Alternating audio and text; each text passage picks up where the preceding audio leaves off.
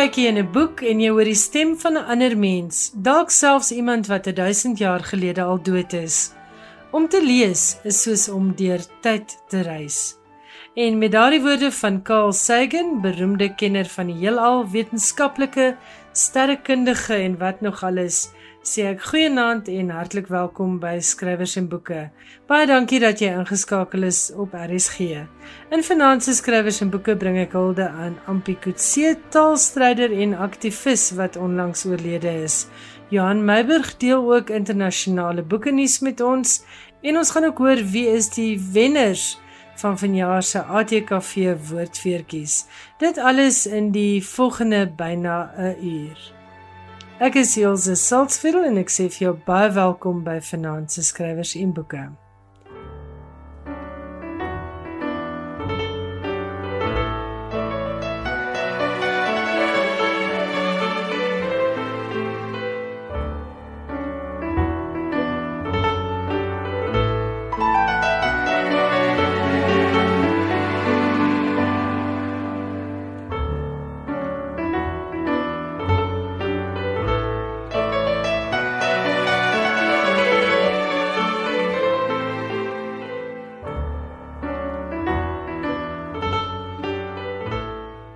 Ons het 'n broer, 'n makker, 'n kameraad en 'n medestryder verloor. 'n Danser voor die ewige. So het die digter en kunstenaar Breiten Breitenberg, jarelange boesemvriend van die letterkundige Ampie Kutse, verlede week gesê oor die dood van hierdie bekende taalstryder en aktivis. Breiten het voortgegaan om te sê dat dit vir hom verskriklik is om 'n hegte vriend wat ook soos 'n broer was te verloor. Sy vrou het 'n gids en 'n geliefde moes laat gaan. Sy seuns 'n pa. Ons almal 'n voorloper en 'n meester. Hy het deur ons hande geglip toe ons hom ten alle koste wou vashou. Al was dit ook vir net nog 'n paar maaltye saam, vir nog 'n glas goeie wyn, vir nog 'n lag en nog 'n vasdruk teen die bors. Ons gaan probeer lag deur die trane, want hy was van die son, nie die skemering nie. En hou hom waar dit nou weer nooit anders sal wees nie in die oneindige ruimte van dankbaarheid om 'n lewe met hom te kon deel. En daardie pragtige woorde is uit die mond van Breiten Breitenberg en hy het gesê oor sy boesemvriend van baie jare professor Ampi Kutse. Kutse is onlangs in die ouderdom van 81 jaar oorlede. Benewens al sy ander werk as letterkundige sal hy veral onthou word as een van die grootste kenners van die werk van Breiten Breitenberg. Kutse was ook ten nouste gemoeid met die totstandkoming van die Breitenberg sentrum in Wellington. Hy was ook die eerste voorsitter van die Breitenberg Trust. Ampi Kutse het sy doktorsgraad in Afrikaans aan Wits behaal onder leiding van NP van Wyk Lou. As letterkundige was hy verbonde aan die universiteite van die Witwatersrand, Wes-Kaap en Natal en hy was ook gasprofessor in Duitsland aan die Universiteit van Essen en ook die Universiteit van Utrecht in Nederland. Ampikutse was bekend as 'n aktivis en het 'n leidende rol gespeel in die stigting van die uitgewery Taurus uit protes teen die staatssensuur van die 70er jare waarin skrywers soos Breitenberg se werk verbied is. Hy was ook 'n leidende figuur in die stigting van die Afrikaanse Skrywersgilde en hy het later die aanvoerwerk gedoen dat Breiten Breitenberg se werk weer by hoofstroom uitgewers soos Himan en Resou uitgegee kon word. Tussen 1962 en die jaar 2000 het daar 12 boeke uit Ampikutse se pen verskyn, waaronder twee bloemlesings met inleidings oor die werk van Breiten Breitenberg. Ek het 3 van Ampikutse se voormalige kollegas gevra om meer te vertel oor hierdie merkwaardige man 'n vriend, letterkundige, skrywer en taalstryder. Hier is professor Hein Willemse, professor in letterkunde en literêre teorie verbonde aan die departement Afrikaans aan die Universiteit van Pretoria. Ek ken Ampi Kutse sedert die middel 1980s. Ehm uh, en veral het ek hom beter leer ken nadat hy as professor in die departement uh, Afrikaans aan die Universiteit van Wes-Kaapland aangestel is. Nou Ampi is aangestel nadat Jakes Gerwel, rektor van die Universiteit van Wes-Kaapland geword het en daar natuurlik 'n opvolger vir hom in die departement Afrikaans as professor gesoek moes word. Ek onthou dat Jakes 'n hele paar van ons meer senior kollegas bymekaar geroep het en gesê dat dit is sy idee dat hy stel voor dat ons na Ampikotse kyk as 'n moontlike professor. Uh en Ampi het uiteindelik gewerf. Nou die rede hoekom Ampi gewerf was daardie tyd was dat Ampi anders gekyk het as die meeste ander akademici, Afrikaanse letterkunde akademici. Hy het baie minder literêr tegnies na die letterkunde gekyk, formalisties tegnies na die letterkunde gekyk, het meer maatskaplik krities, sosiaal krities na die letterkunde gekyk. 'n rigting wat ons in die departement Afrikaans sterk voorgestaan het. Ons was trouens die enigste departement Afrikaans wat baie sterk 'n baie meer sosiaal en maatskaplik kritiese benadering tot die letterkunde gehad het. So Ampi is toe nou genooi na Weskaapland toe en het baie goed ingepas. Ek dink dat uh Ampi het op 'n regte stadium daarop gedaag in 1986 as ek reg onthou. En dit was die piek van opstand in die Weskaap, die groot maatskaplike stryde en woelinge in die land het op daardie stadium in die Kaap plaasgevind. Ek onthou dat van die belangrikste ontwikkelinge daar was veral op kultuurvlak, die sogenaamde people's culture beweging van daardie stadium. En Ampi het onmiddellik ingeval in daardie soort ontwikkelinge. Sy eie ervaring uh aan die rand by die Universiteit van die Witwatersrand was ook krities geweest. Hy was betrokke by 'n verskeidenheid van alternatiewe tydskrifte, maar in die Kaap het dit gedui met die people's culture beweging.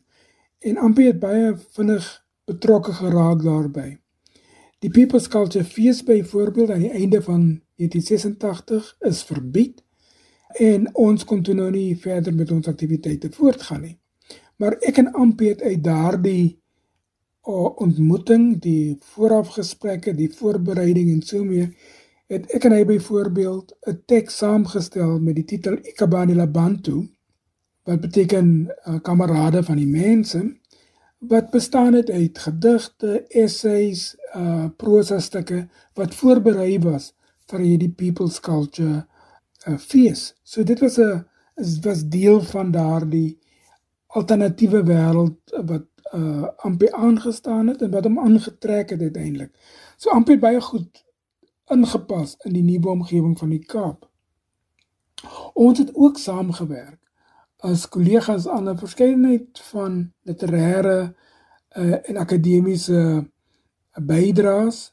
Uh, ek onthou veral die voordragte wat opskudding veroorsaak het daardie stadium in die Afrikaanse letterkunde omgewing een wat ons by die Afrikaanse letterkunde vereniging gelewer het ek hy en Julian Smit wat gehandel het oor 'n alternatiewe kyk op die Afrikaanse letterkunde dieselfde geld ook vir die taal en stryd uh konferensie in Durban waar ons as departement ook 'n alternatiewe visie gehad het op hoe ons na taal en stryd in Suid-Afrika kyk.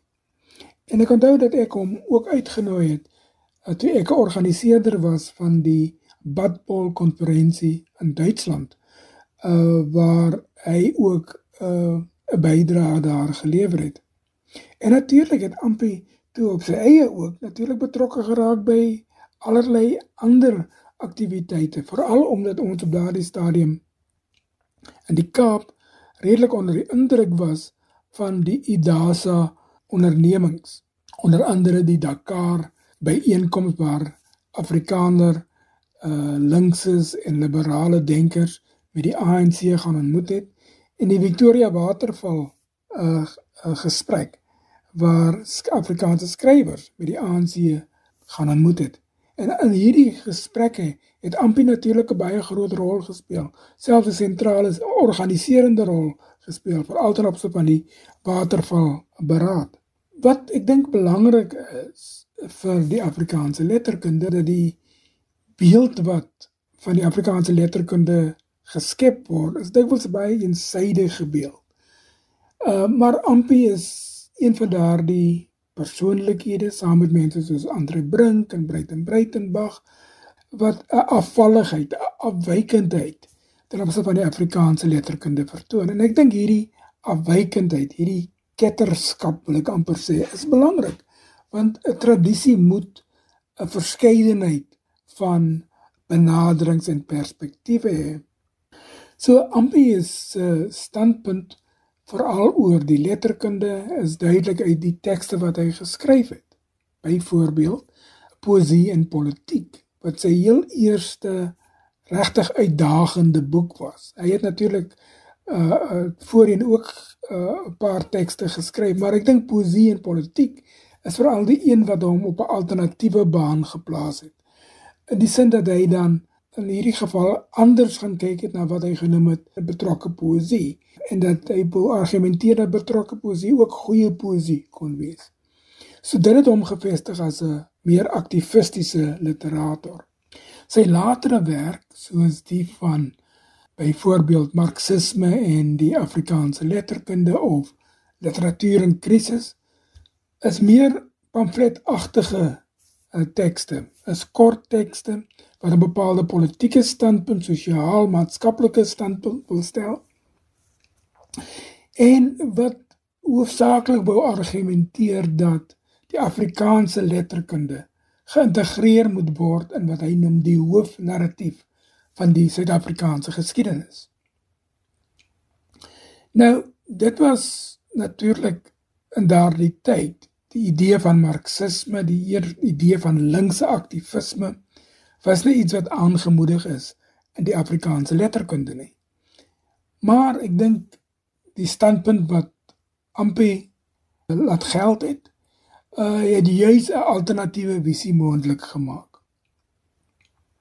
Ek dink sy belangrikste werk is uh sy heel laaste gepubliseerde boek, naamlik 'n hele os vir 'n ou broodmes wat in 2000 verskyn het.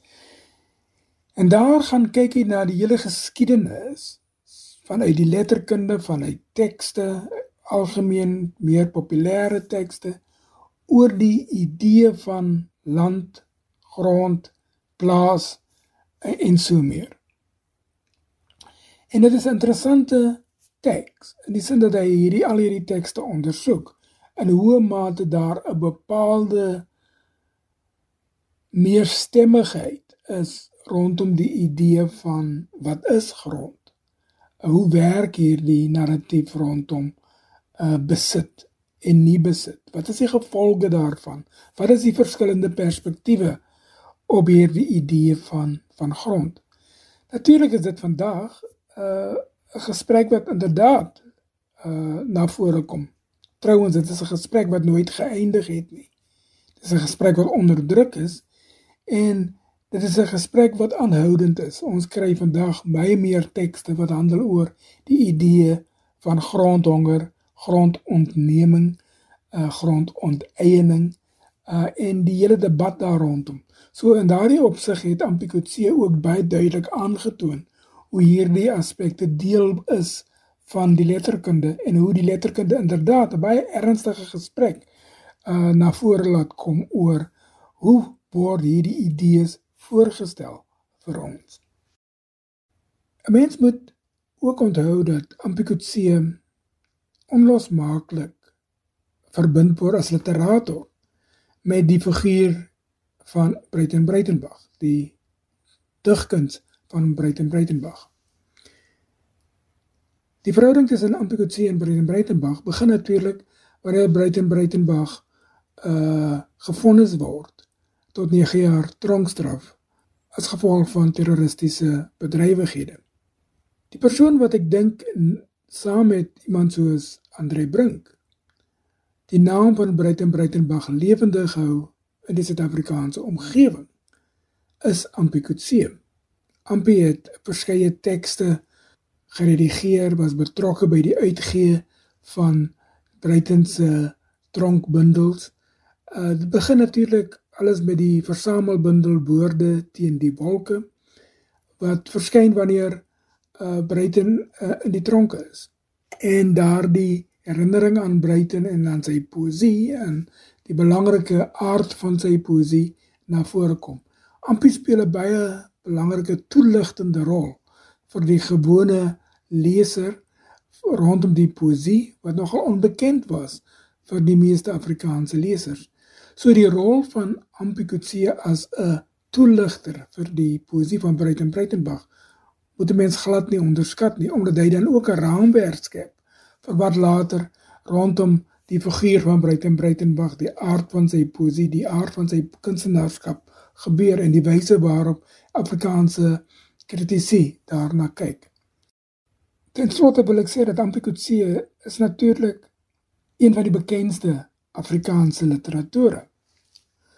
Uh trouwens hy is een van die meer internasionaal bekende literature. Afrikaanse literature per definisie is dikwels meer insulêr. Uh, kyk meer net na Afrikaans, neig nie om buite die grense van Afrikaans te beweeg nie.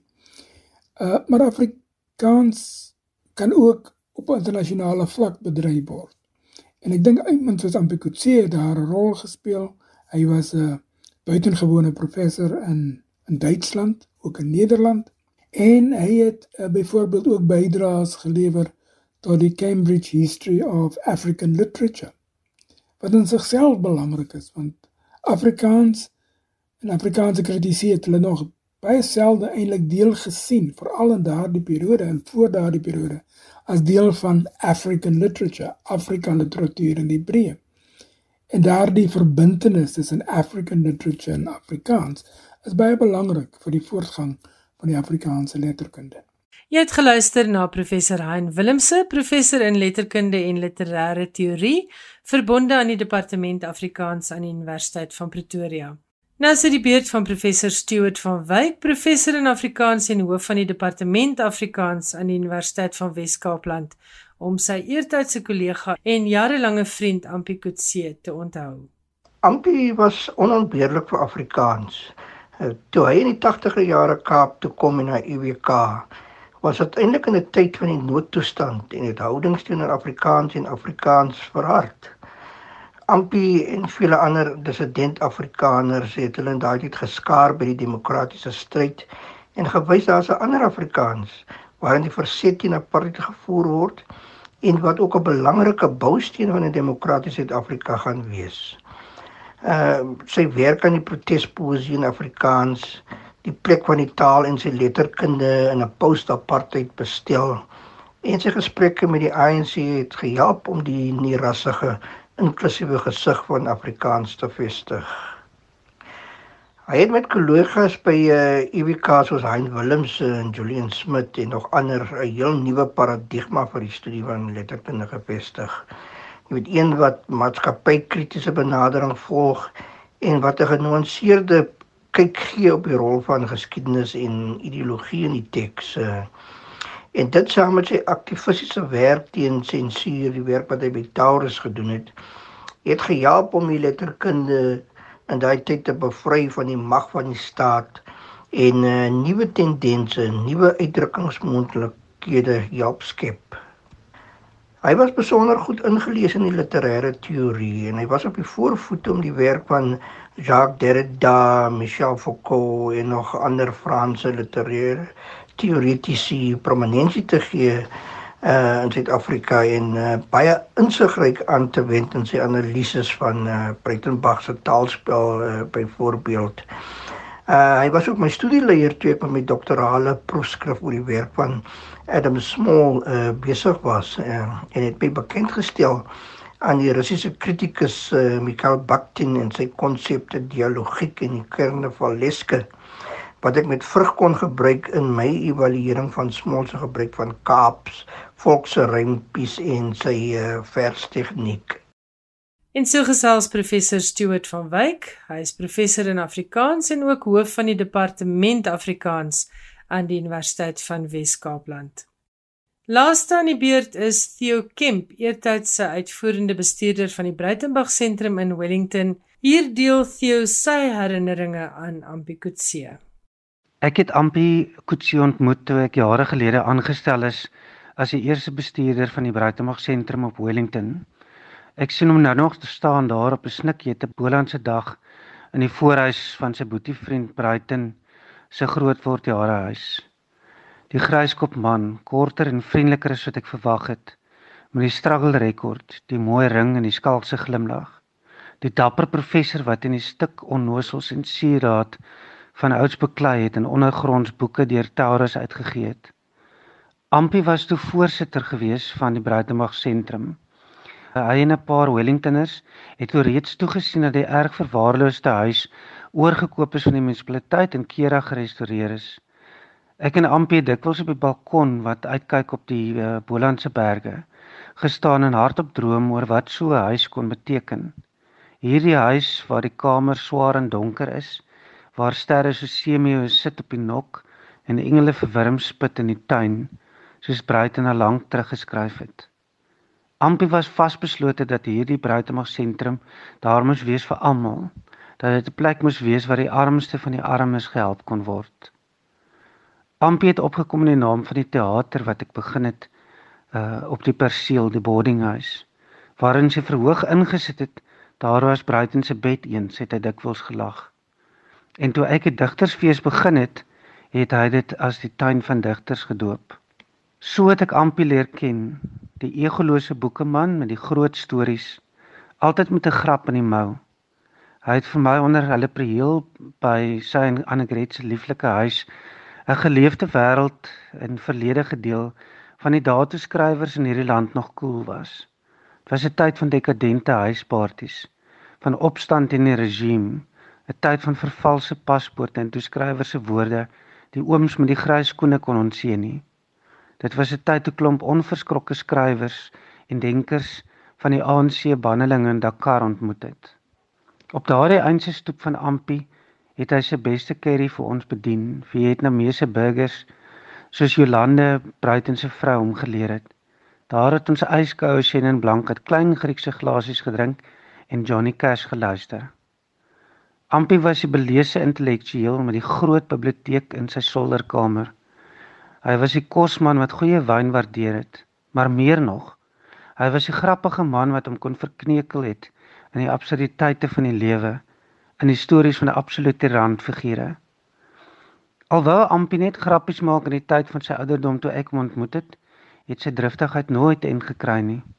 Hy het nooit opgehou om op te staan vir dit wat hy geglo het reg is nie. Hy was so ontsettend vies vir universiteite wat vir Engels, so intens teleurgesteld in 'n regering wat alles waarvoor hulle so hard geveg het versaak het. Ampie het my van marxisme en geregtigheid geleer maar sonder die pretensie van hulle wat so graag in die mode wil wees. Ons Ampie ontsaglik baie mis. Hy was nie net vir my nie, maar vir vele ander 'n ware vriend van die loyaalstes wat jy ooit sal kry. Hy was my grootste mentor. En daardie stem behoort aan Theo Kemp, eertydse uitvoerende hoof van die Breitenberg Sentrum in Wellington en deesdae uitvoerende hoof van die Jakes Gerwel Stichting. Ons luister nou na 'n kort uittreksel uit 'n onderhoud wat Daniel Hugo in die jaar 2000 met Ampie Kutse gevoer het. En dit gaan oor sy boek 'n hele os vir 'n ou broodmes, grond en die plaasnarratief sedert 1595. 'n Hele os vir 'n ou broodmes, dis die hooftitel met die subtitel Grond en die plaasnarratief sedert 1595. Is dit 'n akademiese verhandeling? Ja, dis akademiese verhandeling, hoekom lag jy? uh, dis akademies, maar ek het probeer Daniel om uh, dit leesbaar te maak, leesbaar te skryf, sodat iemand wat nie akademies opgelei is nie, dit ook sou kan lees en miskien gedeeltes daarvan geniet selfs. Ek het probeer. Ja, die boek is ook besonder onakademies uitgegee, baie mooi uitgegee. Ja, ek dink ja, daarvoor moet ek Francis Galloway van van Skype bedank. Uh sy het baie moeite gedoen um deur prentjies by elke hoofstuk te sit en ook 'n mooi omslag en ook die voetnotes is nie soos 'n akademiese boek aan die einde dis in blokke in die teks sodat 'n mens dadelik die voetnoot kan lees saam met die teks. Ja. Ek dink dis nogal mooi alhoewel dit natuurlik langer gevat het en nou sit 'n akademiese boek met prentjies. so dis iets vir almal. Ek het na die prentjies gekyk. Nou ja, goed. Ampie grond en die plaas narratief sedert 1595. Nou moet jy eers sê wat is 'n plaas narratief? Ja, ek wou gesê die plaas roman, maar maar 'n uh, eh, party uh daar's kortverhale ook wat nou nie uh, so lank is of wat ook 'n narratief is, maar 'n uh, vertelling, 'n storie, basiese storie. Maar ek wou dit hou by die ek het opsetlik die woord narratief gebruik omdat dit nogal 'n literêre woord is En uh, dit gaan hoofsaaklik om die plaasroman of die plaasstorie in die Afrikaanse letterkunde. Dis wat vir my wat vir my ge, wat wat ek belangrik gevind het. Ja. Maar jou studie begin in 1595, toe was daar nog nie Afrikaanse ja. romans nie. Goed, daar was toe nog uh daar was toe eintlik nog nie plase nie. Ja. Maar uh maar ek begin uh soos die titel aan die die titel verwys na 'n ruiltransaksie. En uh, dit verwys na 'n ruiltransaksie wat in 1597 plaasgevind het. 'n Hele os vir 'n ou broodmens. Ja, ja. En en dit was die die ruiltransaksie was vir 'n os. Met ander woorde dit het Ares te doen gehad met die plaas, soos wat later die grond verruil is vir uh implemente of vir klein dingetjies of 'n bietjie geld. Wie, wie was dan die betrokke partye? Dit kom in die uh dis 'n dagboek van 'n sekere Frank van der Does wat in uh 1597 verskyn het. En dit was van die Hollanders wat ehm um, geland het ergens op pad Mosselbaai toe dink ek, ek kan nie so mooi onthou nie. En hulle wou uh, hulle hulle wou kos gehad het. En toe van die koi was daar van die koi mense wat uh, wat beeste gehad het. En hulle toe dit verruil vir vir soos hulle sê ou uh, uh, uh, ou broodmes of 'n stukkie yster of ou korale. En dis eintlik hoe die hele ruil transaksie in Suid-Afrika begin het. Die begin die begin van die verloop daarvan. Ja, dit was 60 jaar voor Jan van Riebeeck. Ja, ja. En jy weet in daardie tyd het die uh, is die die eerste plase van die Vryburgers is ook verruil uh, van van van die Khoi mense. Dit was in 1657. 16, ja, 1657. Ja. Ja. Nou dis te begryp dat uh, daar sien in die 30er jare en die 40er jare plaasromans geskryf is. Hmm. Want dit was in die tyd toe die Afrikaner verstedelik het met die depressie, armoede ja. ensovoorts. Hulle is eintlik deur die ekonomie weggedryf van die plase. Maar uh, tog het die plaasroman bly voortleef in Afrikaans. Tot vandag word daar plaasromans geskryf. Ja, Hoekom? Ja. Wel dis een van die redes waarom ek dit begin ondersoek het. Dis een van die die die die die een die ander rede is uh J.M. Coetzee het 'n stuk geskryf, 'n uh, 'n paar essays geskryf oor die oor die plaasroman in 'n boek van hom ag van so 'n paar jaar gelede White Writing. En uh, ek het daarin begin belangstel en toe besef ek eh, 'n uh, mens uh, hy hy gaan net tot op 'n punt. Hy praat net oor die ou plaasroman, die ou Afrikaanse plaasroman. En toe besef ek presies wat jy nou sê dat das voor die boek gepubliseer is die boek van my. Is daar weer 'n plaasroman van van Anna Lou, dink Vos. Vos soos, ja. ja. Dit was nou die nuutste. En uh, as 'n mens nou kyk na die Engelse letterkunde, Coetzee se Disgrace is ook in 'n tot 'n sekere mate 'n plaasroman. Uh nou nou ja, dit was die vraag wat ek my afgevra het in opsigte van die Afrikaanse uh Afrikaanse prosa kuns, dan waarom skryf die skrywers nog al die tyd plaasromans? En al is dit 'n satire op 'n plaasroman soos miskien Etienne Leroux sou gesien kon wees, bly dit nog al die tyd voortbestaan. So ek dink dit het nog al die tyd iets te doen met die Afrikaners se gekoppeldheid aan die grond aan die natuur, aan die plaas. En na die na die depressie en na die verstedeliking het dit natuurlik verlore gegaan. En dit kan idillies opgeroep word alhoewel dit nie eintlik idillies in die moderne plase is nie, maar dis nog altyd iets in die verlede. Dis 'n soort van 'n 'n 'n 'n kollektiewe bewussyn by die Afrikaner dink ek, daardie plaas. En jy weet tog self uh hoeveel mense daarvan ja, ek sny bietjie ouer as jy van my geslag is wat nog altyd hunker om na 'n plaas toe te gaan. Ek het ek het nou nie op 'n plaas groot geword nie, maar daar's nog mense wat nog altyd 'n plaasie gaan koop elders. Ja. Ja. Ja, ons ons kollega, die skrywer John Miles het onlangs weer vir hom 'n plaas gekoop. Dit is dit is 'n hinkering wat jy nie uh wat iets psigologies moet sê dink ek. Ja. Nou uh, in die moderne Afrikaanse letterkunde word daar ook gepraat oor die toekoms van die plaas of nie?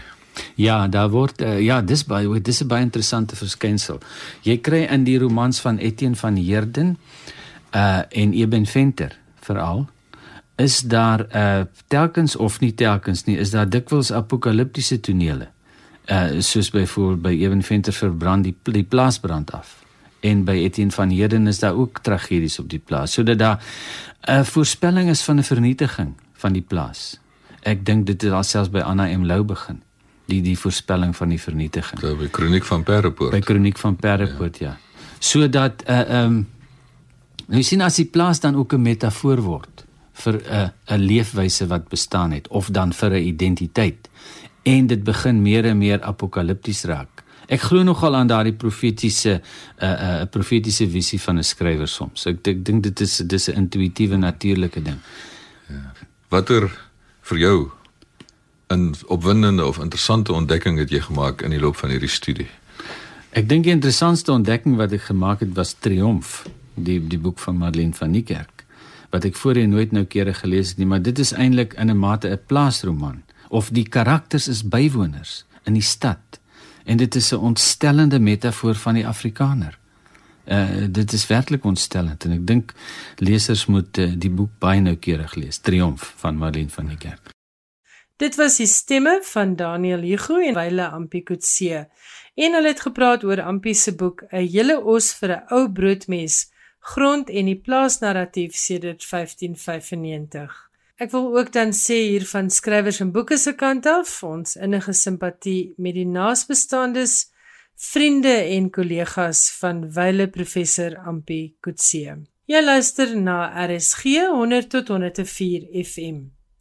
Die ATKV woordfeertjies wat reeds vir meer as 'n dekade uitmuntende skrywers, digters en dramaturge bekroon, moes vanjaar weens die COVID-pandemie 'n splinternuwe baadjie aantrek en die wenners is vanjaar vir die eerste keer aanlyn bekend gemaak. Sonel Brits, die besturende direkteur van die ATKV se groep maatskappye, sê vanjaar dat die COVID-19 pandemie opnuut die waarde van lees kom onderstreep het en dat lees die ideale manier is om jou wêreld te verbreek.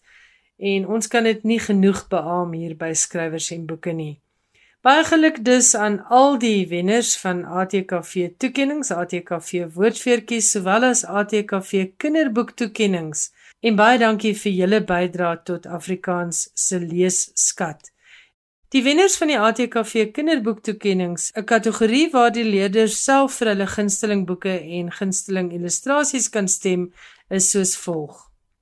In die voorleeskategorie vir graad RR tot graad 1, die skrywer Jaco Jacobs met Sasha word stil uitgegee deur Lapa Uitgewers. Die illustreerder Angela Banks word ook bekroon vir haar illustrasies in Sasha word stil. In die selfleeskategorie graad 2 tot 3 is die skrywer Jaco Jacobs weer eens die wenner. Dit is hierdie keer vir sy boek Monster Pizza, ook uitgegee deur Lapa Uitgewers. En die wen illustreerder in hierdie kategorie is Jolandi Prins vir die illustrasies in Monster Pizza. In die selfleeskategorie graad 4 tot 5 gaan die prys aan nog 'n Lapa Uitgewersboek. Hierdie keer is dit Fanny Viljoen vir aksieheld Austin onheil op Skittleby. En hier is Fanny Viljoen ook sommer die wenner in die illustrasie kategorie want Fanny het aksieheld Austin onheil op Skittleby self geïllustreer. In die selflees kategorie graad 6 tot 7 is die skrywer Annabel Allers die wenner met haar boek 'n ou soos jy en dit word uitgegee deur Lapa Uitgewers. En in die selfleeskategorie graad 8 tot 10 is die skrywer Nanet van Rooyen die wenner vir haar boek Die 17de Veer, ook uitgegee deur Lapa Uitgewers. Dan 'n baie besondere toekenning, die toekenning vir leesbevordering en vanjaar gaan dit aan die Uyavula lees en skryf projek. Dit is 'n projek wat 'n liefde vir stories en boeke by kinders kweek en bedien kleuters tot 13-jarige kinders in Makassar, Chris Nissen Park en onverwagt wat ook die gemeenskappe van Nomzamo, Zola en Luandle bedien. Dit is daar op die Kaapse vlakte. En hierdie werk word gedoen deur middel van leesklubs en voorleesgeleenthede in grondslagfase klasse of vir individuele kinders. Tydens 2019 het 119 vrywilligers ongeveer 2093 kinders bereik in 5 skole, 52 klasse en 4 leesklubs. Melinda Kreer, die hoof van Altena Primêre Skool, sê dat Uyavula se klasbesoeke leerders se weeklikse hoogtepunt is. Die lesers doen baie moeite met die keuse van boeke, die vrae wat gevra word en met die besprekings van die boeke na die tyd en dit kweek 'n liefde vir lees en 'n liefde vir stories en boeke, sê Kreer. Sy sê ook dat die projek selfs leerders se gedrag positief beïnvloed het en dat sommige name selfs verwyder kon word van die lyste vir leerders met leerstruikelblokke. Ons kan ons nie meer voorstel om te kan klas gee en onderrig sonder die ondersteuning van Uyavula nie. Keer op keer staan ons in verwondering oor die wyse waarop iets so maklik en eenvoudig en boonop lekker gebruik kan word om 'n betekenisvolle verskil te maak op soveel vlakke en in vele harte. En so sê Melinda Creer, sy is die hoof van Altena Primêre Skool daar op die Kaapse vlakte en sy het gepraat oor die Uyavula lees en skryf projek wat vanjaar bekroon is met die ATKV se toekenning vir leesbevordering. Van skrywers en boeke se kant af baie geluk en baie dankie aan uh, iedereen en elke wat betrokke is by Uyavula. En dit wys nou net vir jou iets so maklik kan so groot verskil maak.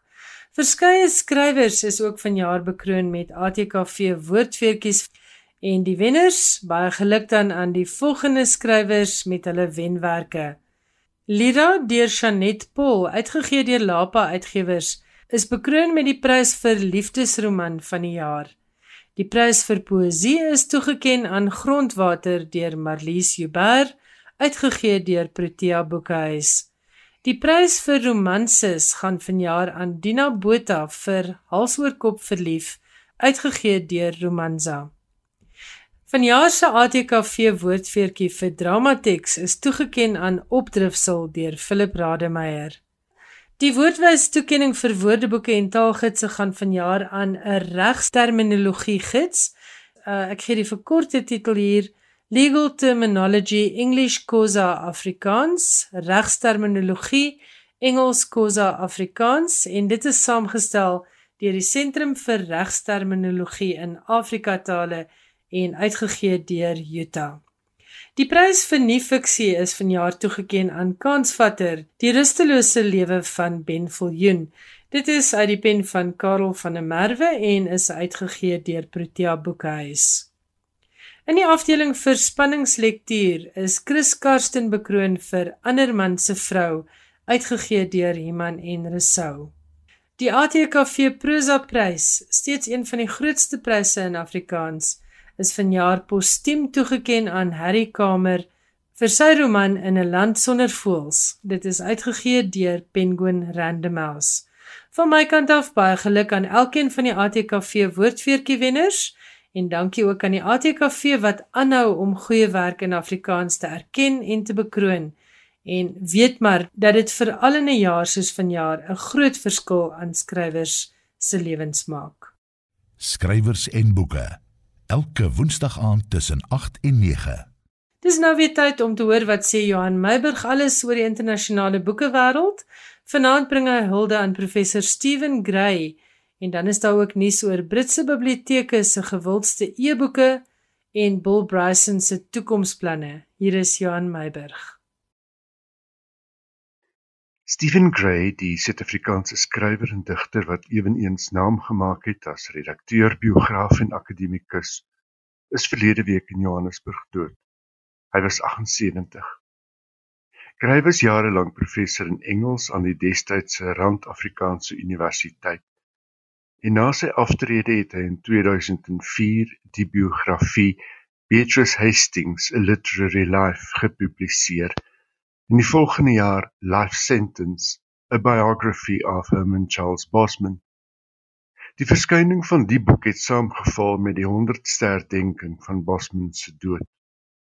In 2008 was Gray die redakteur van Remembering Bosman, 'n versameling intieme herinneringe aan die Suid-Afrikaanse skrywer. Gray het studeer aan die Universiteite van Kaapstad, Cambridge en Iowa. Hoewel hy as skrywer bekend is, het hy 'n jaar voor die publikasie van die roman Local Colour reeds in 1974 'n digbundel uitgegee, It's About Time. In Local Colour het Gray reeds 'n opgaaf gegee van die kwessies wat hom sy lewe lank in sy skryfwerk sou besighou die verkenning van seksuele en rastaboes in die Suid-Afrikaanse samelewing.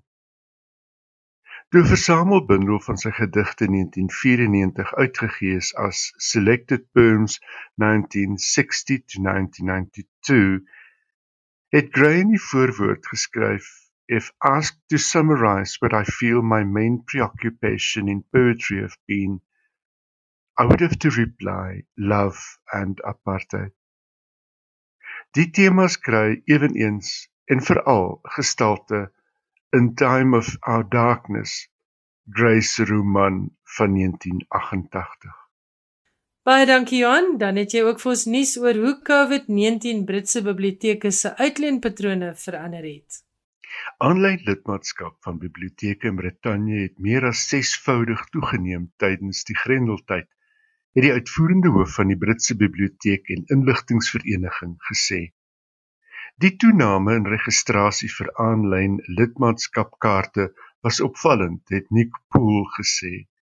Tussen 600 en 700% wat ongelooflik is. Meer as 3,5 miljoen addisionele e-boeke is tussen die einde van Maart en middel Augustus uitgeneem En as 'n mens die aanvraag vir audioboeke byreken, kom die syfer te staan op 5 miljoen. Dit was veral misdaad en speurverhale wat aftrek gekry het. Met Gillian Galbraith se eerste roman Blood in the Water van 2007 bo aan die lys.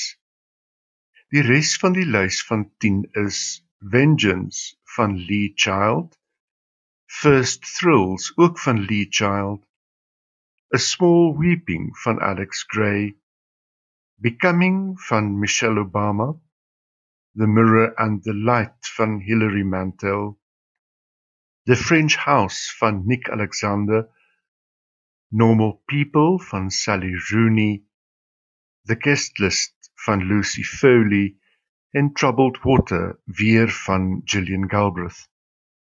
In die jeugboekkategorie is dit J.K. Rowling en David Walliams wat stoei om die titel as gewildste skrywer. Die lys sien so daaruit. Harry Potter and the Philosopher's Stone van J.K. Rowling, Diary of an Awesome Friendly Kid van Jeff Kinney, The Boy in the Dress van David Walliams, My Babysitter is a Robot van Dave Cousins Harry Potter and the Chamber of Secrets van J.K. Rowling, The Beast of Buckingham Palace van David Walliams, Slime weer van David Walliams, Armadillo and Hare and the Very Noisy Bear van Jeremy Strong, Little Women van Louisa May Alcott en Harry Potter and the Order of the Phoenix van J.K. Rowling. Met die oog op die toekoms het Poel gesê die uitdaging is nou om te voldoen aan die nuutgevonde belangstelling in e-boeke saam met die op Irak. Mense mag dink biblioteke van sement en steen en boeke op 'n rak is nou oorbodig, het hy gesê. Maar ons het regte plekke en regte boeke nodig. Ja, ons het 'n digitale gehoor bygekry. Maar ons moet ook ons oog tot oog gehoor bly ondersteun. Dankie Jan. Ja, en ek en jy het ook al dikwels geskerts oor e-boeke versus regte egte papierboeke. Maar dankie tog vir e-boeke want ek dink boekwurm sou baie minder gaaf gewees het tydens die wêreldwye inperking as dit nie was vir e-boeke nie. Nou het jy vir ons nuus oor Bill Bryson. Bill Bryson, die Amerikaans-Britse skrywer wat in 1995 die kollig op hom gevestig het met sy Notes from a Small Island, het die einde van sy skrywersloopbaan aangekondig. Die 68-jarige Bryson het in 'n radio-onderhoud gesê: "Ek weet nie of dit verband hou met die pandemie nie, maar ek hou nogal daarvan om net mooi niks te doen nie. Vir die eerste keer in letterlik dekades lees ek vir my plesier en ek geniet dit geweldig. In plaas daarvan om braaklande te probeer ploeg, wil ek in die tyd wat ek op aarde oor het, myself net verlustig in alles rondom my. Bryson is nie die enigste skrywer wat die afgelope ruk met soortgelyke planne vorendag gekom het nie. Onlangs het Lee Child aangekondig dat hy die skrywerspen oorgee aan sy broer Andrew. In 2012 het Philip Roth, hy was toe 79, gesê genoeg is genoeg en tot en met sy dood in 2018 het hy nie weer gepubliseer nie. Annie Proulx het gesê Barkskins is haar laaste roman en Jonathan Franzen praat ook in die rigting. Proel het wel uitgebrei op haar besluit. Ek kan nie meer die boektoere, die bemarking en die promosie uitstaan nie. Ek haat dit. Maar 'n mens moet in ag neem dat sy dit op 81 gesê het. Terug by Bill Bryson. Bryson is in die VSA gebore en het Brittanje in 1973 die eerste keer besoek. Hy is daar getroud en het in 75 teruggekeer na sy tuisdorp Des Moines in Iowa om sy studie daar te voltooi. In 1977 is hy en sy vrou sak en pak terug na Engeland waar hy eers vir The Times en later The Independent gewerk het. Hy het Amerikaanse en Britse burgerskap. Net voor hy in 1995 terug is na die FSA, het hy 'n reis deur Brittanje onderneem en sy gewaarwordings op die reis van Exeter tot John O'Groats aan die boepunt van Skotland het neerslag gevind in die vermaaklike Notes from a Small Island, 'n soort huldeblyk aan Brittanje waar hy meer as 20 jaar gewoon het. Dit was nie net the public face van die groen eiland en sy mense wat hy in die boek weergegee het nie, maar ook the private parts. Bryson het die blik op die Britte so aangebied dat Notes from a Small Island onmiddellik 'n topverkoper in Brittanje geword het en meer as 2 miljoen eksemplare is verkoop. Die boek is later ook in 'n Britse peiling aangewys as die beste uitbeelding van die lewe in Brittanje. Ander Bryson treffers sluit in The Road to Little Dribbling, A Walk in the Woods, One Summer en A Short History of Nearly Everything van 2009, 'n boek wat die Aventus en die Descartes-prys gewen het en topverkoper van die dekade in Brittanje was. Hier is Bill Bryson aan die woord by die State University of New York se skrywersinstituut waar hy sy beroemde beerstorie met die gehoor gedeel het. The story I've been telling this for years. I love this story. I can take no credit for it because somebody else told it to me. But it's an outgrowth of an experience I had a good few years ago now when I tried to hike the Appalachian Trail in the company of my old pal Stephen Katz. We catastrophically failed to hike the App- Appalachian Trail from end to end, but it was a wonderful experience, if a completely challenging one. And if you've read the book, A Walk in the Woods, you'll know that I did genuinely grow somewhat preoccupied with the dangers of bear attacks while hiking in the eastern woods, because bears do sometimes attack. And I was delighted to discover after the book com- came out that lots and lots of people all over North America shared these concerns because I got letters by the sackful from people giving me advice on how to avoid bear attacks while hiking. And here the basic advice seems to be always to go hiking with someone who can't run as fast as you can. But there was one letter I got from a lady in New Hampshire where I was then living that particularly pleased me. And she told me that when you go hiking out west in grizzly bear country, and grizzly bears are, of course, very dangerous creatures, there are two things they tell you everywhere you go. They tell you that, first of all, you should wear little bells on your clothing, because this alerts the bears you're coming and you don't overtake them by surprise. And the second thing they tell you you should do is that you should watch out on the ground in front of you for bear, grizzly bear scat or dung. And the way you can recognize grizzly bear scat is that it has little bells in it. Nou ja, daardie stemwoord aan Bill Bryson. En baie dankie tog vir daardie staaltjie want nou weet ons almal ten minste wat om te doen as ons ons ooit in beerwêreld bevind.